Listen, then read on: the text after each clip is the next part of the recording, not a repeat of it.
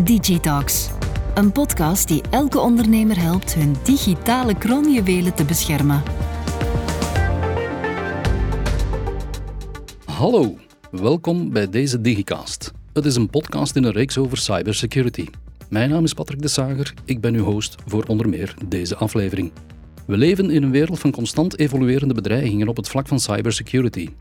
In een wereld waarin een bedrijf zich niet langer moet afvragen of het met een beveiligingsincident zal geconfronteerd worden, maar wel wanneer het met een beveiligingsincident zal geconfronteerd worden. Daarom bespreken we vandaag waarom preventieve maatregelen alleen geen sluitend antwoord bieden op de cyberaanvallen zoals ze vandaag de dag op bedrijfsleven afkomen. In deze aflevering heb ik een gast natuurlijk, dat is Eva de Geiter.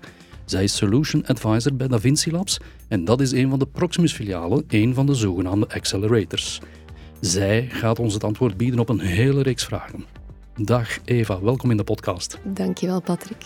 Zeg Eva, kan je dan toch eens uitleggen wat dan die, ja, die typische expertise van jouw job inhoudt? Wel, vanuit mijn ehm, functie, ik ben Solution Advisor, ga ik eigenlijk meedenken met de klanten naar wat de beste oplossing is voor hun specifieke vraag, hun specifieke situatie.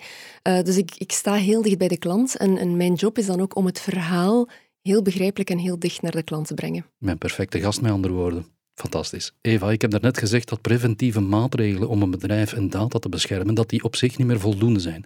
En dat ten opzichte van ja, waar we in zitten in de realiteit, talrijke cyberaanvallen. Misschien is het toch niet slecht om bij het begin van het gesprek die maatregelen eens op te sommen, want die zijn toch nog altijd nodig, kan ik me voorstellen. Klopt. En wat we eigenlijk bedoelen als we over preventieve maatregelen spreken, dan gaat het over alles wat je doet om cyberaanvallen van buitenaf tegen te gaan. Mm Dus om ervoor te zorgen dat, dat hackers bijvoorbeeld niet tot bij jouw cruciale data kunnen, uh, kunnen raken. Dat gaat bijvoorbeeld over uh, antivirussen of anti-malwares, maar bijvoorbeeld ook een heel bekende, uh, firewalls. firewalls die zijn al 25 jaar, denk ik, maken die deel uit van, van de eerste lijnsverdediging van, van bedrijven. En wat dat zo'n firewall eigenlijk doet, is het helpt om um, bepaalde mensen, bepaalde actoren met slechte bedoelingen uh, buiten te houden. Door alle inkomende verkeer te gaan controleren vooraleer uh, dat verkeer binnengelaten wordt tot mhm. jouw bedrijfsnetwerk. Maar een preventieve maatregel, dat hoeft niet alleen iets technisch te zijn. Dat kan perfect ook iets menselijk zijn. Bijvoorbeeld door je werknemers uh, opleiding te geven, door hen bewust te maken van het feit dat zij voorzichtig of goed moeten omspringen met hun, uh, hun wachtwoorden. Dat ze niet altijd hetzelfde wachtwoord mogen gebruiken, dat ze uh, voldoende lange en gevarieerde wachtwoorden moeten kiezen. of dat ze natuurlijk ook moeten opletten met verdachte links die ze doorgestuurd krijgen. Dat kan ik me voorstellen, ja. Maar preventie is dus wel degelijk nog altijd nodig. Zeker. Het is zeker absoluut nog nodig. We willen er eigenlijk voor zorgen dat ons systeem zo goed mogelijk beveiligd is, en zowel op technisch als op menselijk vlak. Want het zijn vaak net op die twee domeinen uh, dat er uh, fouten gebeuren die ervoor zorgen dat hackers uiteindelijk ook kunnen binnendringen in het netwerk. Thuis bijvoorbeeld, als je vertrekt, ga je ook je voordeur niet openlaten, vermoed ik toch, als je, als je vertrekt naar het werk. Liefst niet, hè? Dat is toch de bedoeling, lijkt mij. Um, maar natuurlijk, dat wil niet zeggen dat daarom niet per se een inbreker nog binnen kan. Als je um, ja, een raam laat openstaan of, of je verbergt je sleutel onder een bloempot waar iedereen er zomaar aan kan, ja, dan is het voor inbrekers toch nog altijd vrij makkelijk om, uh, om binnen te raken in, uh, in jouw huis. En op vlak van cybersecurity is het eigenlijk net hetzelfde. Hè? Dus die figuurlijke sleutel onder de bloempot, dat zijn eigenlijk bijvoorbeeld heel eenvoudige paswoorden die mensen gebruiken, of overal hetzelfde paswoord. En uh, wat je ook niet mag onderschatten, is dat mensen heel vaak de hackers zelf binnenlaten. Um, of dat ze die zelf binnenvragen eigenlijk, door uh, bijvoorbeeld uh, op een verdachte link te klikken. Dat is eigenlijk het concept van... Phishing, inderdaad. Inderdaad. Ja, ja. Dus de, de hacker gebruikt eigenlijk een, een soort van smoesje, een excuus om, om de gebruiker te gaan overtuigen om, om, om ja, hen toegang te verschaffen tot het bedrijfsnetwerk zonder dat die gebruiker doorheeft dat ze eigenlijk iemand aan het binnenlaten zijn die ze niet willen uh, binnenlaten. Mhm. En het probleem met die preventieve maatregelen is dat bedrijven er vandaag de dag nog altijd heel vaak van uitgaan dat als ze die preventieve maatregelen hebben, dat ze gedekt zijn, dat ze beveiligd zijn. Dat dat voldoende is. Voilà. Maar dat is eigenlijk een, een beetje een vals gevoel van, van veiligheid, want daar loopt het net vaak mis. Ja. De, de cyberwereld evolueert continu. Ehm, ja, net zoals de hackers die proberen binnen te raken of die misbruik proberen te maken van, uh, van onze slachtoffers. Ehm, en als wij als bedrijf niet mee evolueren, ja, dan blijven we achter en dan is die preventie niet meer uh, voldoende. Dus het is en blijft belangrijk, maar het is niet voldoende. Maar zeg je dan eigenlijk dat een firewall op zich, dat dat niet sterk genoeg is, dat die niet voldoende zijn werk doet? Die doet zeker zijn werk, maar um, het zou naïef zijn om te denken dat, dat mensen met slechte bedoelingen zich laten tegenhouden door een firewall. En zij gaan workarounds zoeken om, om rond die firewall te gaan uh, of erdoor te raken. En, ja. en wat doe je dan? Ja, um, inderdaad. Dus dan hebben ze heel vaak vrij spel. Uh, en, want als je alleen maar preventieve maatregelen hebt genomen, dan heb je niets voorzien voor het geval dat iemand toch door die firewall zou, uh, zou raken. Uh, en dat zien we bijvoorbeeld ja, heel vaak de dag van vandaag. Het duurt gemiddeld, ik ga niet te veel met cijfers gooien, maar het duurt gemiddeld zo'n 228 dagen voordat bedrijven doorhebben dat iemand in een omgeving zit die daar eigenlijk niet hoort te zitten. Dat is dramatisch. Dat is heel lang, hè? Ja, um, ja absoluut. Dus 228 dagen, dat geeft een hacker ook heel veel mogelijkheden om, om ja, dingen uit te spoken, uh, dingen kapot te maken, dingen te stelen. Uh, uh, dus heel veel verkeer te doen. En heel vaak is het jammer genoeg zelfs pas wanneer een bedrijf verwittigd wordt door, door de instanties mm -hmm. of door de gebruikers, eh, dat ze doorhebben van oei, er is, een is hier iets verkeerd. Ja, ja, ja, klopt. Dus een firewall doet zeker zijn werk, is zeker belangrijk, maar het is pas als iemand daar voorbij raakt dat je ook maatregelen moet hebben om, om in die situatie in te grijpen. En de enige manier om veilig te zijn voor cyberaanvallen is eigenlijk om gewoon niet geconnecteerd te zijn met de cyberwereld. Maar natuurlijk vandaag de dag is Dan ben je ook niet geconnecteerd met het internet, om maar iets te zeggen. Voilà, ja. dus dat is geen realiteit meer. Wij hebben internet nodig om te kunnen werken. Ja. Het gaat erover dat we, dat we toch een, een, een aangepaste verdedigingsstrategie moeten hebben um, ja, om ervoor te zorgen dat we eigenlijk op alle fronten uh, gedekt zijn. Ik ga eens heel even de advocaat van de duivel spelen nu alles wat we nu van verteld hebben, alle gevaren waar je op wijst. Ik heb zoiets van, dat is toch alleen maar voor de grote bedrijven. Ik, zaakvoerder van een doorsnee KMO, ik ben toch nooit target van dat soort aanvallen. Ik hoef me daar toch niet, geen zorgen in te maken. Ik hoef dat toch niet van wakker te liggen. Ik ga de vraag teruggooien naar jou, Patrick. Heb jij de laatste maanden misschien een, een, een sms'je gekregen of een e-mail gekregen uh, die jou verdacht leek? Dat er een pakje onderweg was, bijvoorbeeld, dat je eigenlijk niet had besteld? Ik moet uh, schuldig pleiten. Nog gisteren was ik slachtoffer van de zoveelste poging via een sms om toch wel ergens op te reageren en op te klikken. Ik vermoed dat je daarop doelt, hè? Ja, inderdaad. Want je mag die vraag aan iedereen stellen, vrienden, familie, collega's. Iedereen heeft dat de laatste, zeker de laatste maanden uh, wel eens meegemaakt. We zien het ook in de media. Er, zijn, er is heel veel aandacht voor, vooral die phishing-campagnes. Um, ook door het, het, meer thuiswerken van de laatste jaren ondertussen, um, ja, is dat, dat, dat speelveld voor, voor hackers eigenlijk groter en groter geworden. Dus het, het is geen ver van ons bedshow meer. Iedereen, van de grote bedrijven tot eigenlijk het individu, uh, wordt ermee geconfronteerd. En het is belangrijk, denk ik, dat we daar geen, geen angst gaan, gaan induceren. En we willen uh, bedrijven, KMO's, zeker niet bang maken.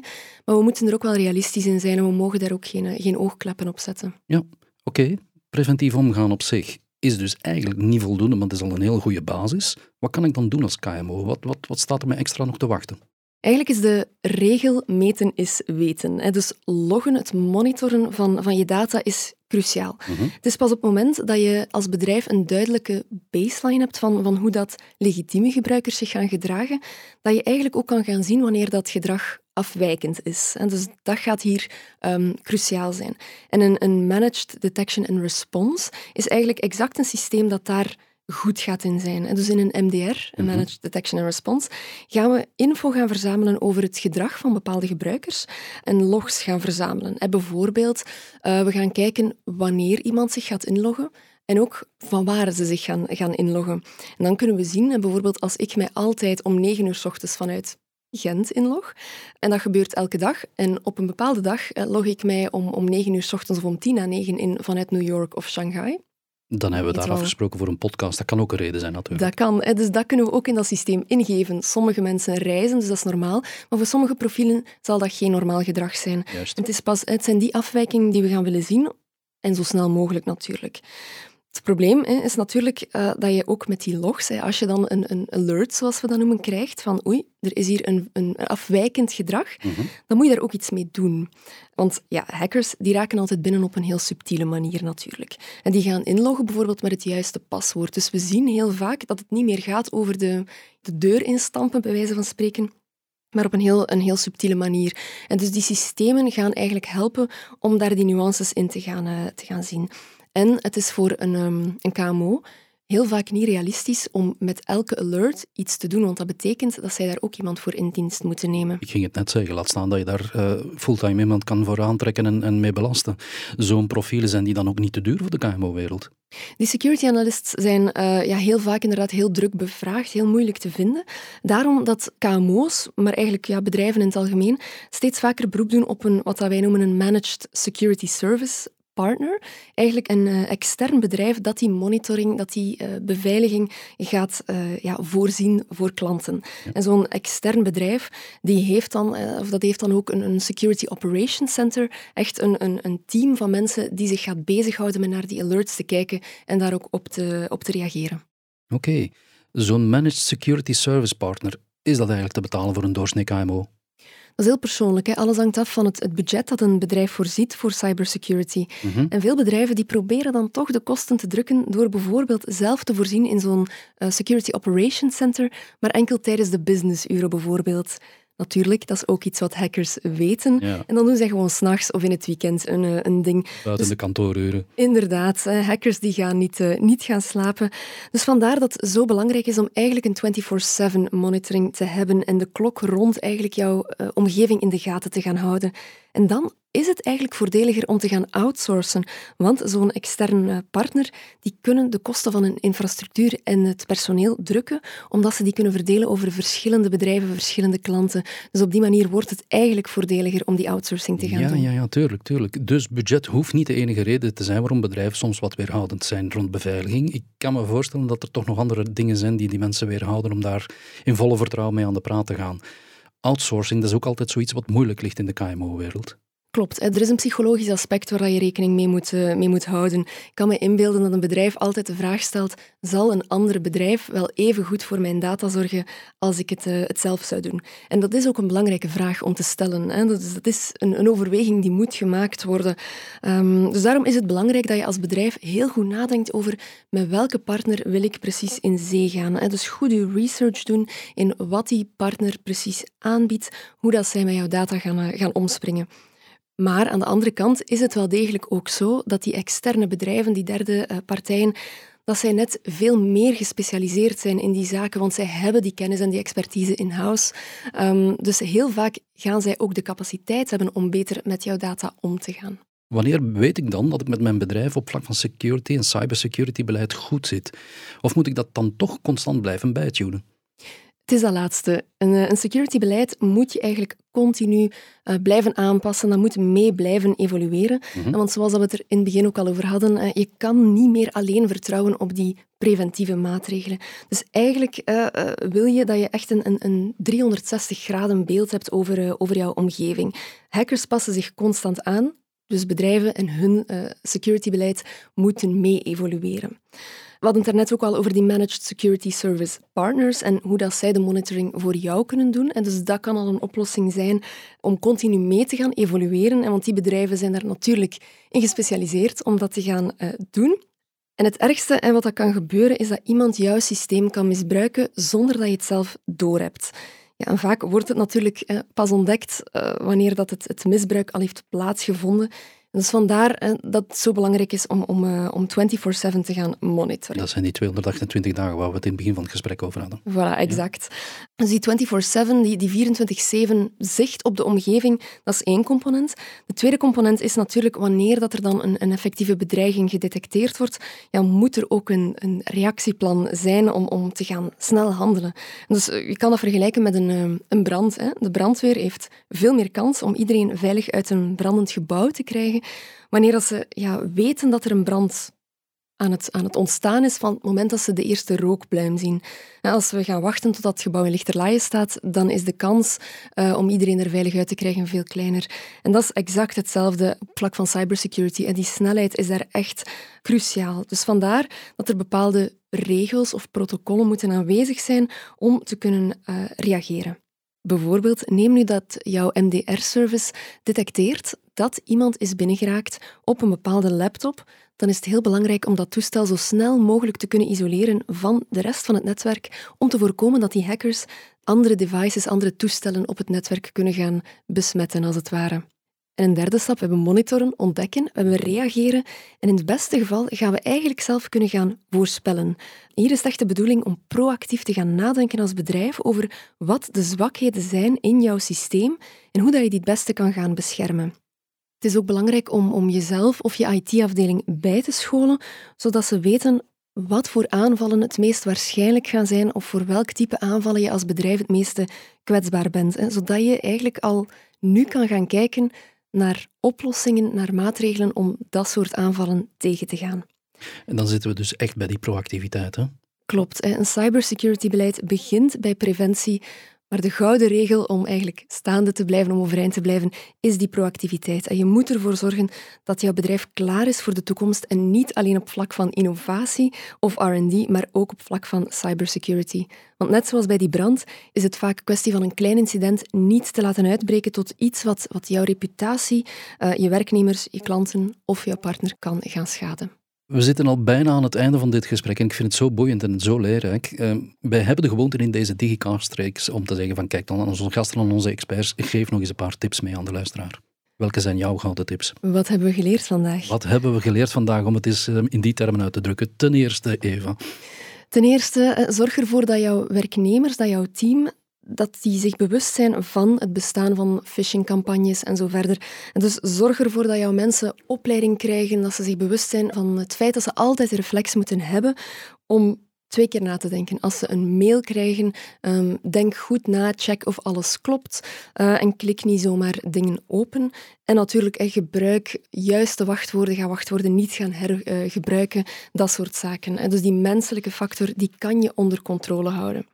Een tweede is uh, als bedrijf, doe de denkoefening over waar dat jouw uh, kroonjuwelen zitten.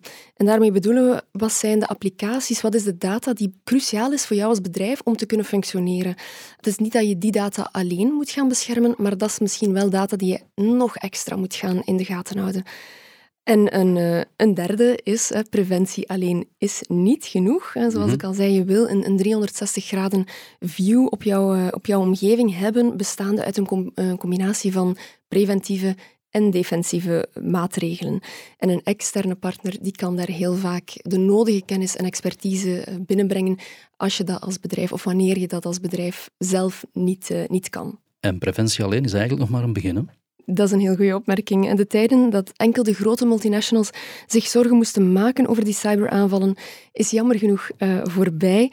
Maar het is geen reden om, uh, om bang te worden. Er zijn genoeg oplossingen, er zijn genoeg partijen op de markt die kunnen helpen, die daar de nodige expertise kunnen brengen.